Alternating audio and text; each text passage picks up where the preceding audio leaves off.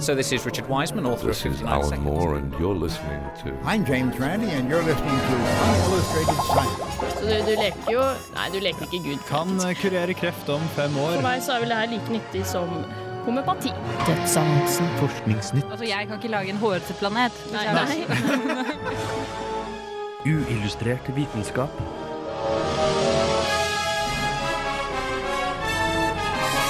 Science, works, bitches.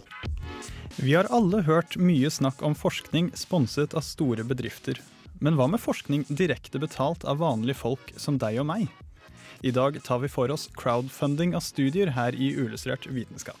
Is this what you want? Feel a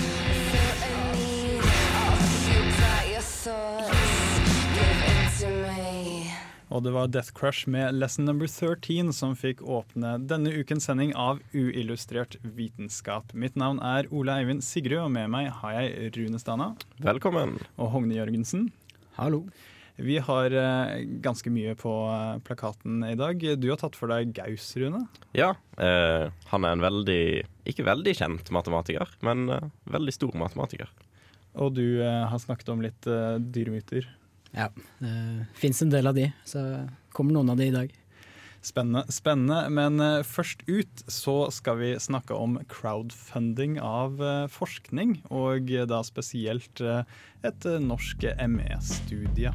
Habits secrete to the sidewalk and street are civic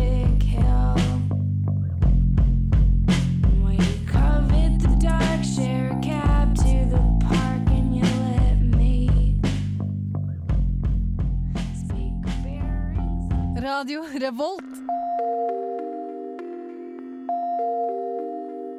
Man har ingen tall på nøyaktig hvor mange som har ME i Norge.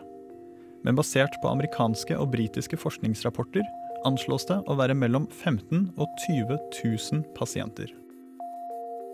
ME kjennetegnes ved at pasienter føler seg utmattede mesteparten av tiden uten noen åpenbar grunn. ME kalles ofte kronisk utmattelsessyndrom, men andre mener at det er snakk om to forskjellige lidelser. Ingen vet hva som forårsaker ME, det er ingen enighet om behandlingen, og det finnes ingen behandling som er effektiv for alle. Det vakte derfor stor oppmerksomhet i 2011 da kreftlegene Olav Mella og Øystein Fluge ved Haukeland universitetssykehus publiserte en studie som viste at behandling med kreftmedisinen Rituximab kunne ha god effekt på ME-syke. To kreftleger på Haukeland sykehus kan ha løst gåten rundt den mystiske sykdommen ME. En helt ny studie viser at ME sannsynligvis skyldes en defekt i immunforsvaret og ikke er en psykisk sykdom. To av tre pasienter ble bedre med en ny behandling som på sikt kan hjelpe flere millioner pasienter verden over. Studien ble gjennomført på kun 30 pasienter, men viste så lovende resultater at det var all grunn til begeistring. Saken ble slått stort opp i norske medier med overskrifter som 'Norske forskere kan ha løst ME-gåten', 'Bergensleger kan løse ME-gåten' og 'Norsk gjennombrudd kan løse ME-gåten'. Mange har ventet spent på å se hvordan det vil gå videre når større studier gjennomføres. Men i desember ble det klart at Forskningsrådet for denne gang ikke bevilget midler til neste steg i forskningen. Du lytter til Uillustrert vitenskap på Radio Revolt og hørte akkurat litt om eh, et eh, spesielt interessant studie fra eh, Bergen. Som, som ni av ti andre søkere så mottok de, da ikke midler fra Forskningsrådet nå i desember. Men det stopper ikke nødvendigvis forskningen, og for å snakke om dette så har vi fått med deg Sondre Munthe Kaas, Trondheimsansvarlig i foreningen MeNU. Velkommen til Uillustrert vitenskap. Tusen takk skal du ha. Eh, Så først av alt, hva er Me and You? Ja, Me & You er et såkalt pro bono-initiativ som er startet av en lege i Oslo som heter Maria Gjerpe.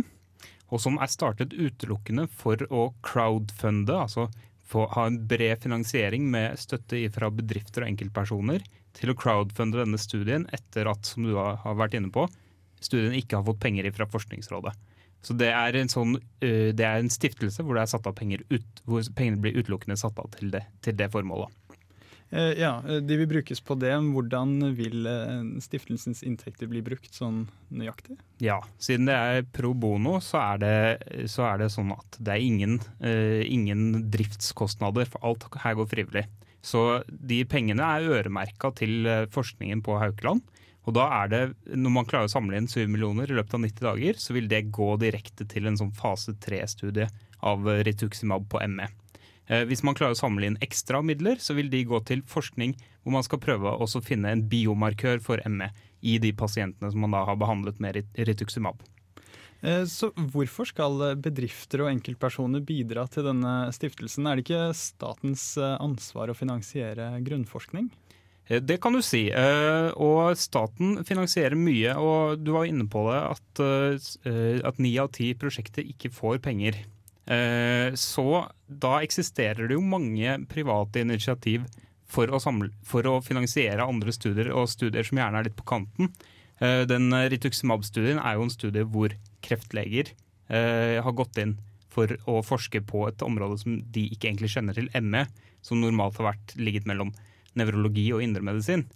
Eh, så eh, ja, hva kan du si eh, Det er på en måte egentlig ikke noe feil i at pasientene selv går inn og så finansierer studien, hvis, hvis da ikke myndighetene finner det verdt å finansiere direkte via Forskningsrådet. Dette er første gang jeg har hørt om at en forskningsstudie har blitt finansiert av vanlige folk via crowdfunding. Vi tror det er første gangen i historien, vi også. Så i den måte så er det unikt. Og jeg vil jo si det til bedrifter som kunne tenke seg å bidra. Da. Og det vi ser for oss er på en måte at enkeltpersoner kan bli med til å bidra kanskje eh, til kanskje 10-20 av de plassene eh, på den 140 deltakers store, studien, men resten tenker vi oss da finansiert fra bedrifter, og da vil vi at bedriftene skal adoptere ME-pasienter. En ME-pasient koster ca. 55 000 kroner. Eh, Så hvis, hvis vi da får 120 norske bedrifter til å, til å adoptere hver sin pasient, så klarer vi det. Og da blir det fase 3-studie, og da blir det virkelig vitenskapelig forskning på ME. da.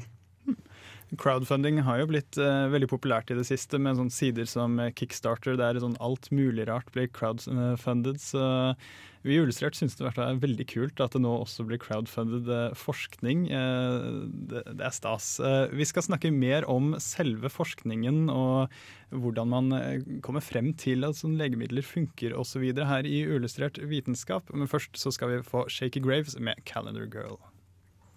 I love, I love, I love my calendar girl. Yeah, sweet calendar girl. I love, I love, I love my calendar girl. And every day of the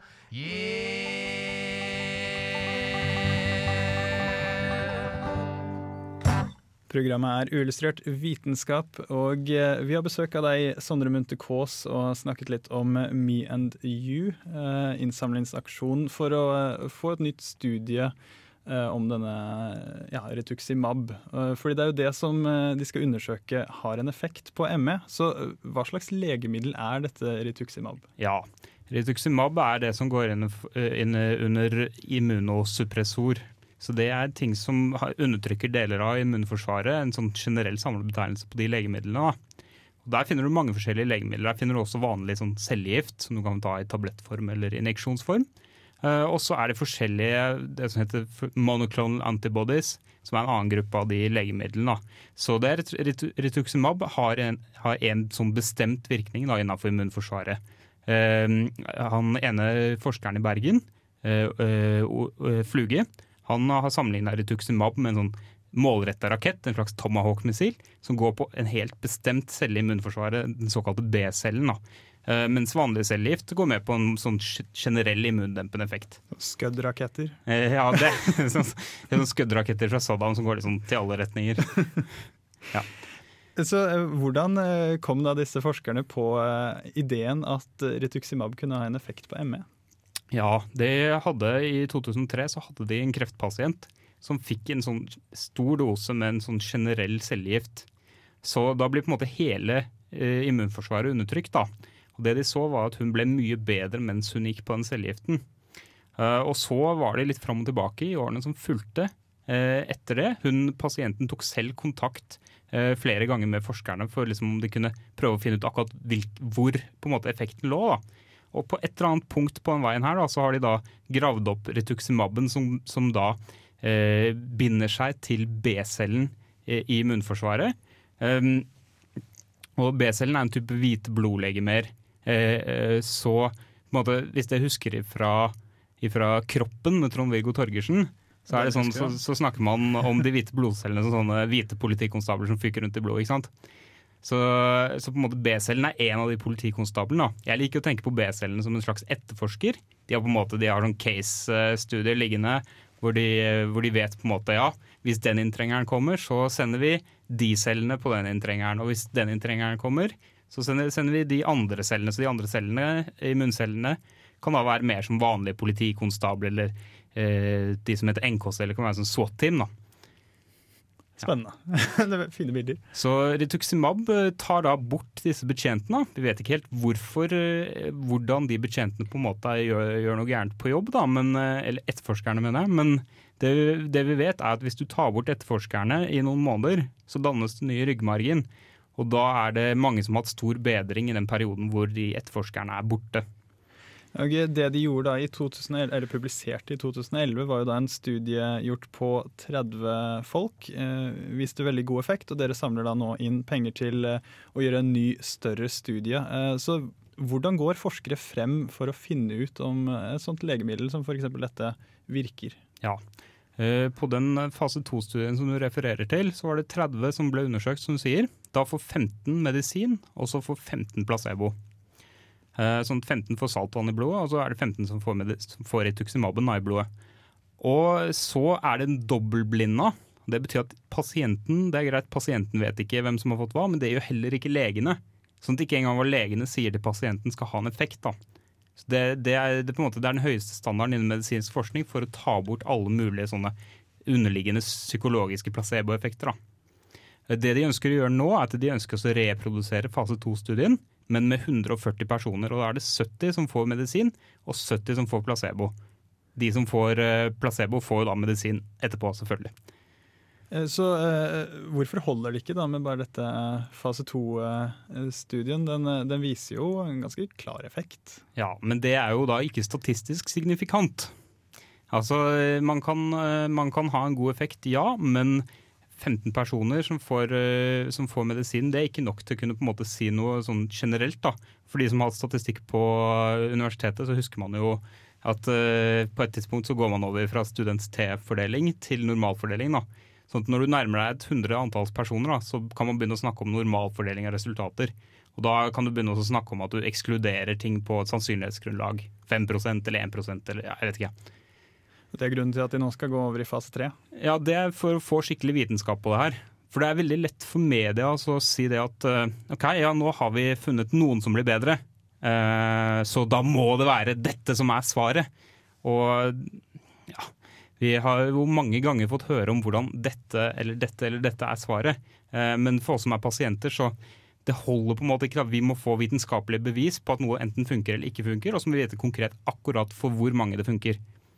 Eh, Fase 3 er jo på en måte sånn siste stadiet før det da går ut til eh, pasienter, og så på en måte overvåker man eh, de. Men så nå hvis det da blir vist effekt i fase 3, er det på en måte er alt i boks da? Kan du på en måte gi det ut til pasientene? Nei, nå er det et vitenskapsprogram, og da vil jeg si også som på en måte som interessert i det med vitenskap, at jeg er ikke fornøyd med det. Eh, Jeg vil ikke si noe sikkert før man reproduserer fase 3-studiet i andre land.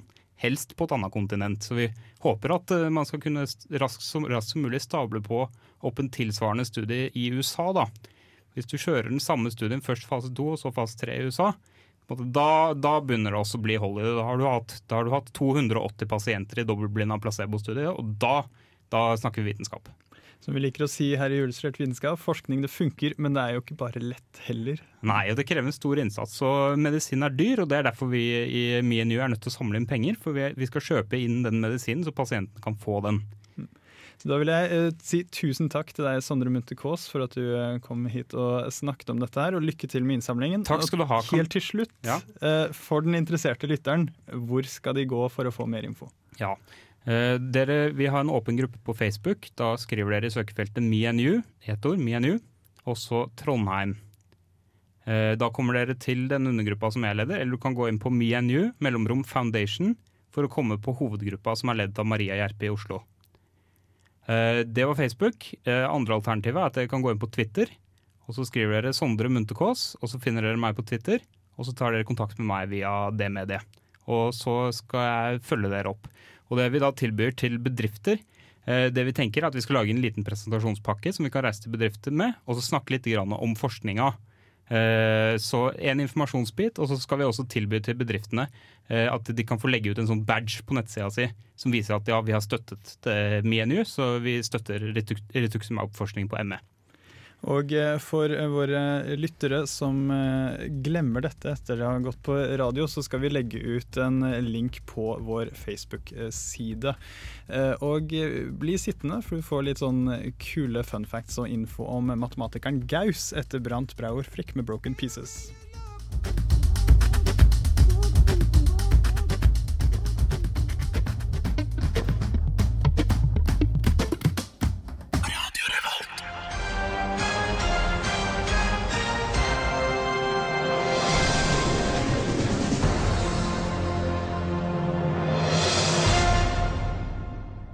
Ranger disse kjente matematikerne etter antall vulkaner de har fått oppkalt etter seg. Isak Newton, Arkimedes, Carl Friedrich Gauss, Sigmund Selberg.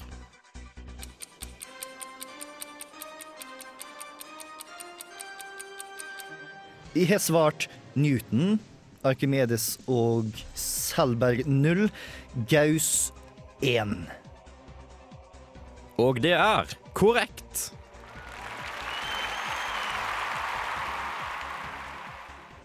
Gausberg, eller Mount Gaus, er en 370 meter høy vulkan på Antarktis.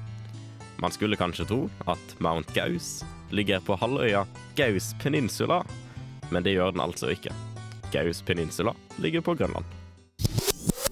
Men hvorfor driver man plutselig og oppkaller landområder og fjell etter en matematiker? Jo, det er fordi Gaus ikke var en hvilken som helst matematiker. Han var en av de største, om ikke den største, siden antikken. La meg underbygge den påstanden litt. Den tyske Carl Friedrich Gauss, født i 1777, har hatt en fot innen det meste av moderne matematikk. Det er ikke alt som er like lett å forklare over radio, men den interesserte lytter bes holde seg fast. I en alder av 19 år beviste Gauss at man kan konstruere en jevn 17-kant med passer og linjal. Dette beviset var den første framgangen innen konstruksjon av polygoner på over 2000 år. Algebraens fundamentalteorem hadde kjendiser som D'Alembert, Euler, Lagrange og Laplace prøvd å bevise i lengre tid. Bevisene deres var dessverre ikke komplett, og Gauss måtte trå til og redde dagen med hele tre bevis for teoremet. Mens han studerte planeter og deres baner, lagde Carl Friedrich seg en størrelse som nå er kjent som Gauss gravitasjonskonstant. Den brukes til å beskrive legemers omløpstid og bane rundt sola, og var utgangspunkt for den moderne definisjonen av et sekund. Skal man ut og måle magnetfelt, benytter man gjerne størrelsen Gauss, eventuelt Tesla for den opplyste lytter. En Gauss-kanon, eller coil-gun, benytter elektromagneter til å akselerere prosjektil til ønsket hastighet.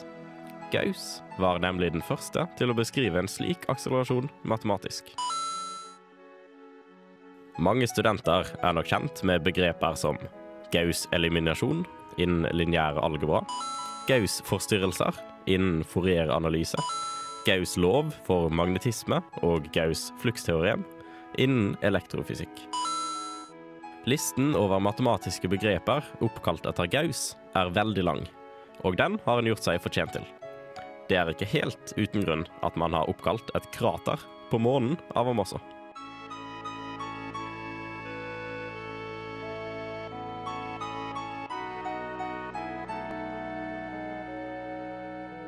Det var fryktelig mange fun facts om eh, Gaus. Ja, det var det. Skal du ha flere, kanskje?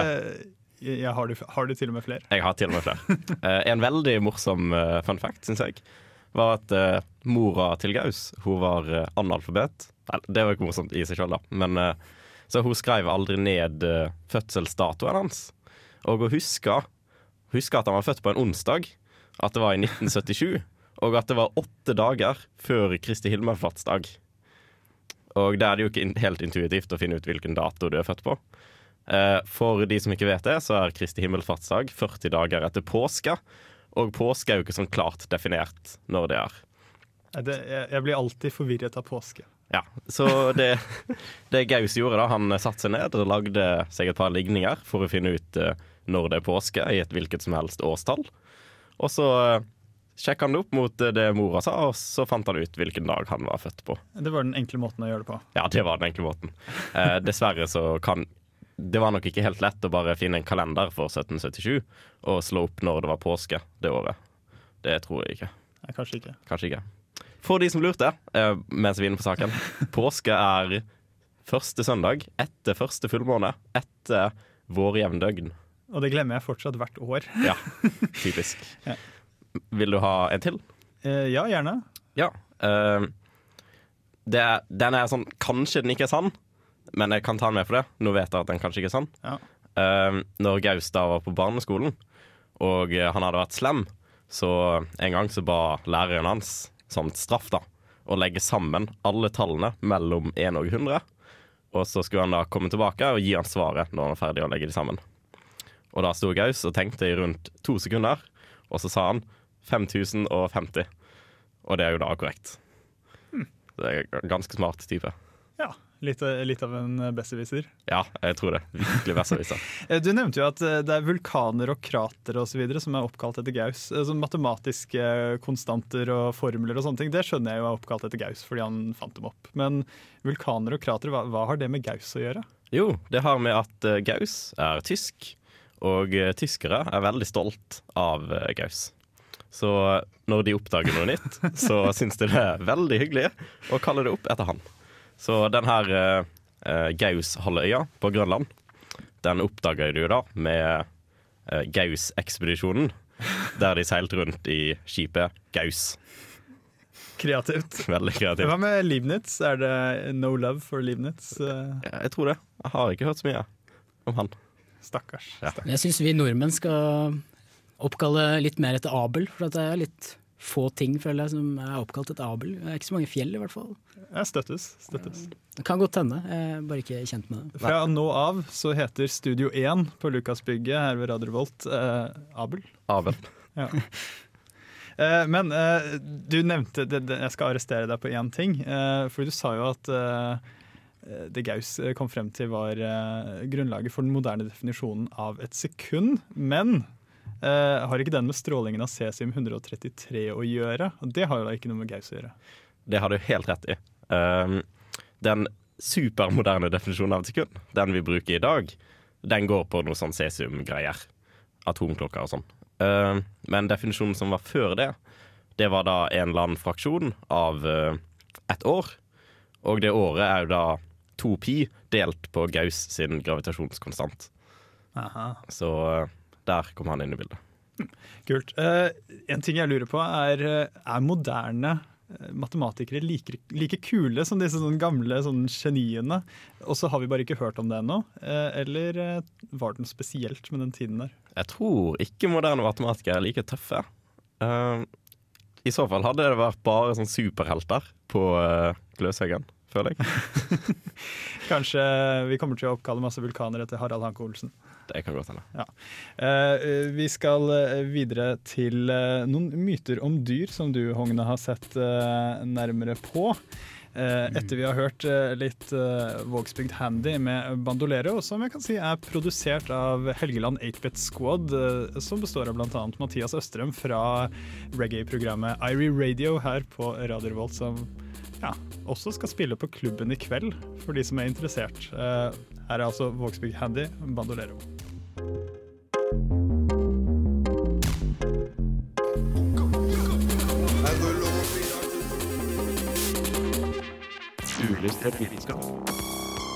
Radio Revolt.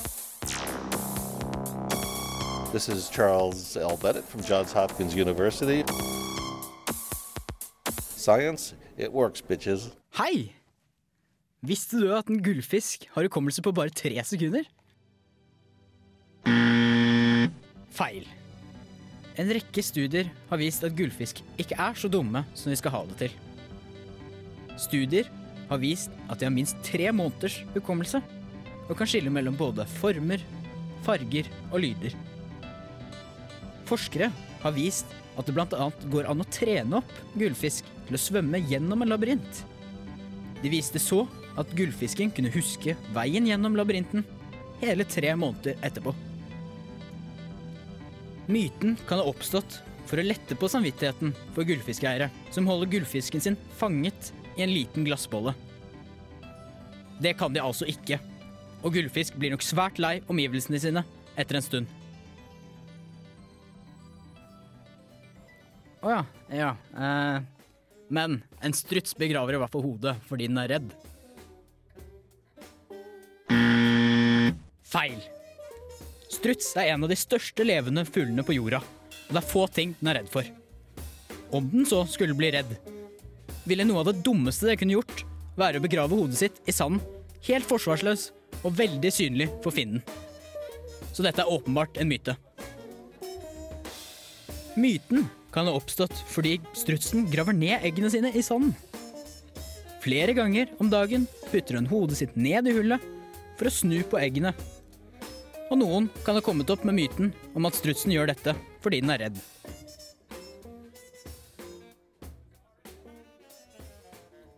Å ja. Eh, men noe som i hvert fall er sant, det er at kameleonen skifter farge hovedsakelig for å kamuflere seg. Feil. Kameleonen skifter farge, men de fleste kameleonarter skifter ikke farge for å kamuflere seg. Det er i stedet mange andre grunner til at den bytter farge. Mest sannsynlig er den viktigste årsaken til at kameleoner bytter farge, for å kommunisere. Hannene bytter farge for å vise hvor sterke de er for andre hanner, og bytter også til en grå farge når de må gi seg. Hundene bytter farge for å avvise hanner, eller for å vise at de er gravide. Siden kameleoner er kaldblodige dyr, bytter den også farge for å regulere temperaturen. Derfor er ofte kameleoner mørke eller svarte om morgenen når det er kaldt, mens det er lysere utover dagen når omgivelsene er varmere. Der eh, fikk vi avlivet eh, et par eh, myter om dyr. og Den første var jo den klassikeren om at gullfisk kun har en tre sekunders hukommelse. Mm, ja. Det er ikke sant? Eh, nei, det er ikke sant, nei. De har mer, mer enn nok eh, Mer enn tre sekunder, i hvert fall. Eh, og du kan jo tenke Jeg syns en del sånne myter burde folk kunne tenke litt logisk, da. Eh, for eh, en gullfisk er en sånn Eller det er i hvert fall en fisk som legger egg. Eh, og hvis den bare hadde hatt tre sekunders hukommelse, så ville den aldri husket hvor den har lagt eggene sine. Eh, og det ville vært et stort problem. Ja, det kan man si. Ja. Og eh, struts legger heller ikke hodet i sanden for å gjemme seg. Nei, den eh, gjør det eh, Nei, det, den gjør jo det ikke det i det hele tatt, for den er jo et veldig svært dyr. Eh, hvis den blir angrepet, så kan den løpe opptil 70 km i timen unna, så uh, den har nok bedre alternativer. Uh, I tillegg så har den også ganske hardt spark, så den kan faktisk sparke i hjel en eh, fullvoksen løve. Eller bøye da en sånn stålplate på, med tykkelse på 1 cm eh, i 90 grader da, med Yes. sparket sitt. Så jeg tror ikke det smarteste den kan gjøre er å putte hodet i sanda. Altså. Her trodde jeg at sånn dinosaurene på en måte virkelig hadde gått nedover og hadde bare hadde blitt sånn pinglete fugler, men det der høres jo ganske drøyt ut. Den, kan jo også, den har jo også et, enda et knep da, av at den kan legge seg ned og late som at den er død. Eh, men akkurat det å putte hodet i sanda, det, det, det gjør den ikke. Det, det ville vært veldig dumt. Den siste har jeg også ofte irritert meg over, fordi det at kameleoner bytter farge for å kommunisere, er jo så uendelig mye mer fascinerende enn at de bytter farge for å kamuflere seg. Ja.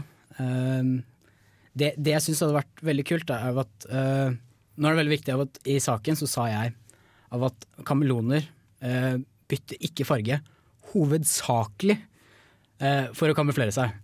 For det er kameleoner som kamuflerer seg, men ikke helt på den måten vi tenker. da.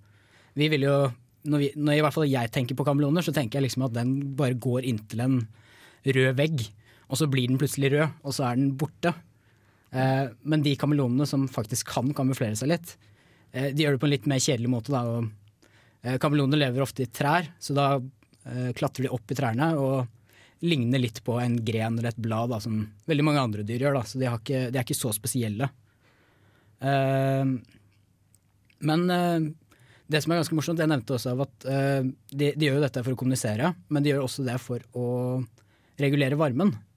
Eh, Så det jeg leste som du kunne gjøre da, hvis du hadde en uh, kameleon i nærheten, hvis du tilfeldigvis har det, er å legge da et blad oppå kameleonen, Ja. som da stenger for sollyset.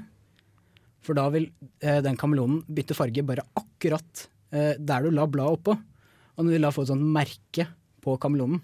Oi. Mens resten av kameleonen da vil ha en annen farge, fordi den har blitt, fått mer lys, sollys på seg. da. Det er jo ganske tøft. Ja. Det syns jeg. Til alle dere som har tjuvstartet og allerede har reptiler hjemme, hvis du har en kameleon, legg et blad på ryggen. Eh, Vi skal over til litt sånn forskningsnyheter her i Uillustrert vitenskap etter Talib Kwali med The Traveler. Take your mind on a trip with the traveler. More spit than your fit days on the calendar. It's. Uillustrert vitenskap presenterer Forskningsnytt.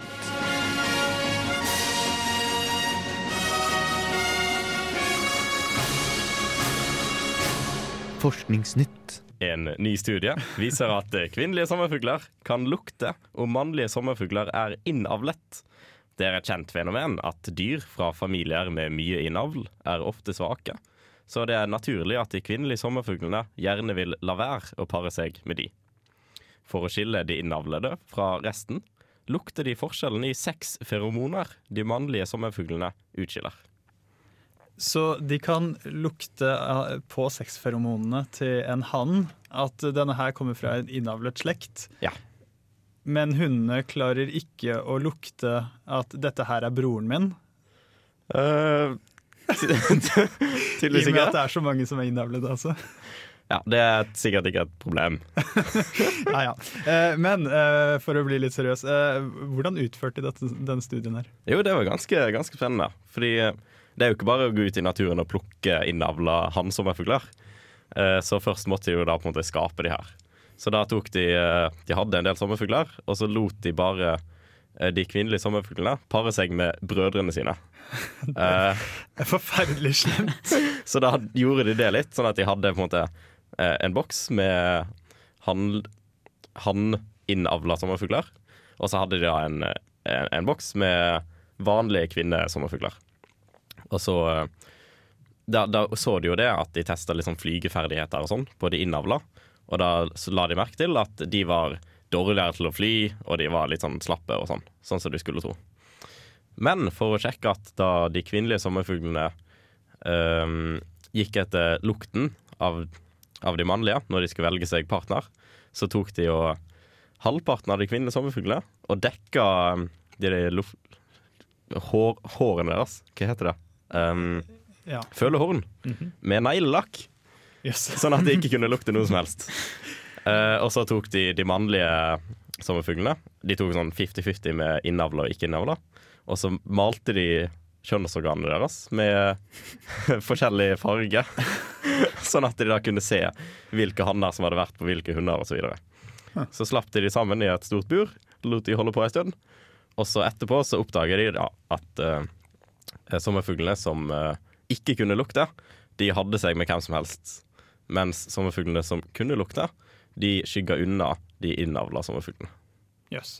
Uh, Dette her er jo eh, faktisk fryktelig spennende og kult. Men sånn, bortsett fra sånn ren nysgjerrighet blant biologer og andre som er interesserte, eh, altså, hva, lærer vi, altså, hva lærer vi av dette som er kjekt å vite? Nei, du vet. Eh, Nei, um, det jo Det hender jo det at uh, Det er jo sånn greie at små populasjoner uh, ofte går unna pga. innavl. Uh, så det det her eh, studiet da nytter til, er at mer generell kunnskap om hvordan innavl fungerer. Eh, ikke noe mer nyttig enn det, tror jeg. Så eh, en ganske liten sommerfuglpopulasjon kan kanskje fortsatt klare seg? Ja, det kan den. Når den er litt mindre enn forventet? Ja. Ja, Det er jo faktisk eh, litt eh, nyttig. Vi nærmer oss den avdelingen for generell synsing her i Illustrert vitenskap. Og i bakgrunnen her så hører du Pistol og bart med kilometerteller. Jeg ser landskapet så vidt passere et sted langt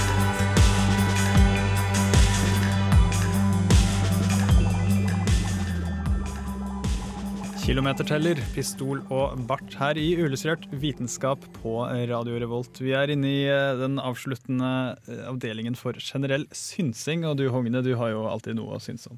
Ja, jeg har alltid noe å synes om. Eh, og i dag har jeg jo prata om myter, så det er det jeg skal synes om. Eh, og jeg skal komme med ganske krass kritikk nå, faktisk. Eh, for det er at eh, myter er noe jeg syns Det er for så vidt fascinerende, men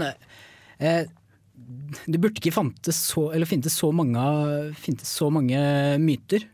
For det er, at det er så mange myter som så lett kan gjennomskues. Da.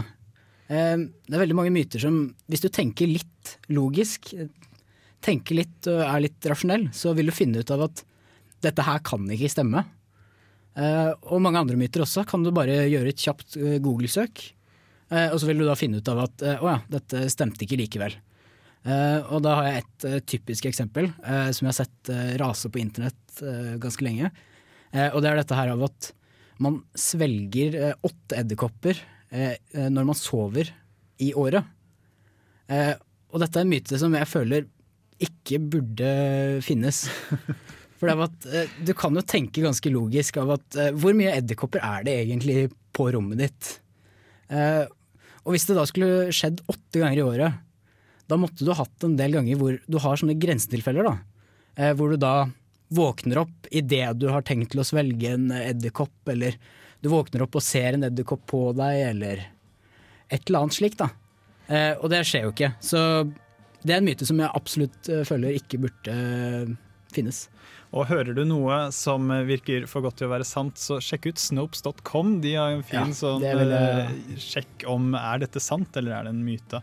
Eh, Jeg vil også trekke opp et par ting fra sendingen. Eh, Først av alt så vil jeg ja, si at forskerne ved Haukeland og kampanjen Me and You de går helt rett frem ved å drive med ordentlig nøktern forskning, fordi det er så fort gjort at man får noen sånn indikerende tegn på at dette her kan funke, og så er det sånn ja ja, men da gir vi det til, eh, til pasienter, og så driver man med sånn tvilsom terapi. Men det her er måten man gjør det på. Det tar tid, det koster masse penger, men eh, det er det som på en måte ender opp med ordentlige resultater. Og til slutt så en liten hyllest til internett. Vi trenger jo egentlig ikke Det er ikke noe nytt for noen at internett er bra, men spesielt eh, for ME-syke spesielt, så tror jeg nok det har hatt en helt revolusjonerende effekt. Jeg kan ikke se for meg at denne kampanjen her kunne ha holdt på uten internett. Eh, Og jeg syns det er flott at eh, internett eh, muliggjør folk som ligger hjemme og er alvorlig syke, som ikke kan komme seg ut, de kan fortsatt delta i samfunnet ved å skrive på internett. Så internett, det er flotte saker. Og på internett kan dere også høre Illustrert vitenskap som podkast i iTunes eller på dusken.no. Takk for oss. Sendingen er dessverre over denne uken. Vi er tilbake neste uke, og denne uken har vi også vært Ole Eivind Sigrød, Rune Stana og Hogne Jørgensen. Ha det godt. Ha det bra.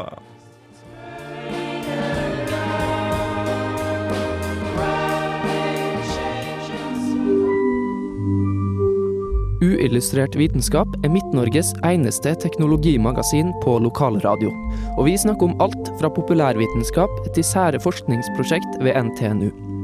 Radio Revolt, studentradioen i Trondheim, er stolt av å kunne presentere podkaster fra de aller mest populære programmene våre. Hvis du har lyst til å høre mer fra Radio Revolt, hvem vi er og hva slags musikk vi spiller, så kan du høre oss på FM-båndet i Trondheimsregionen, eller streame sendingene våre live på radiorevolt.no.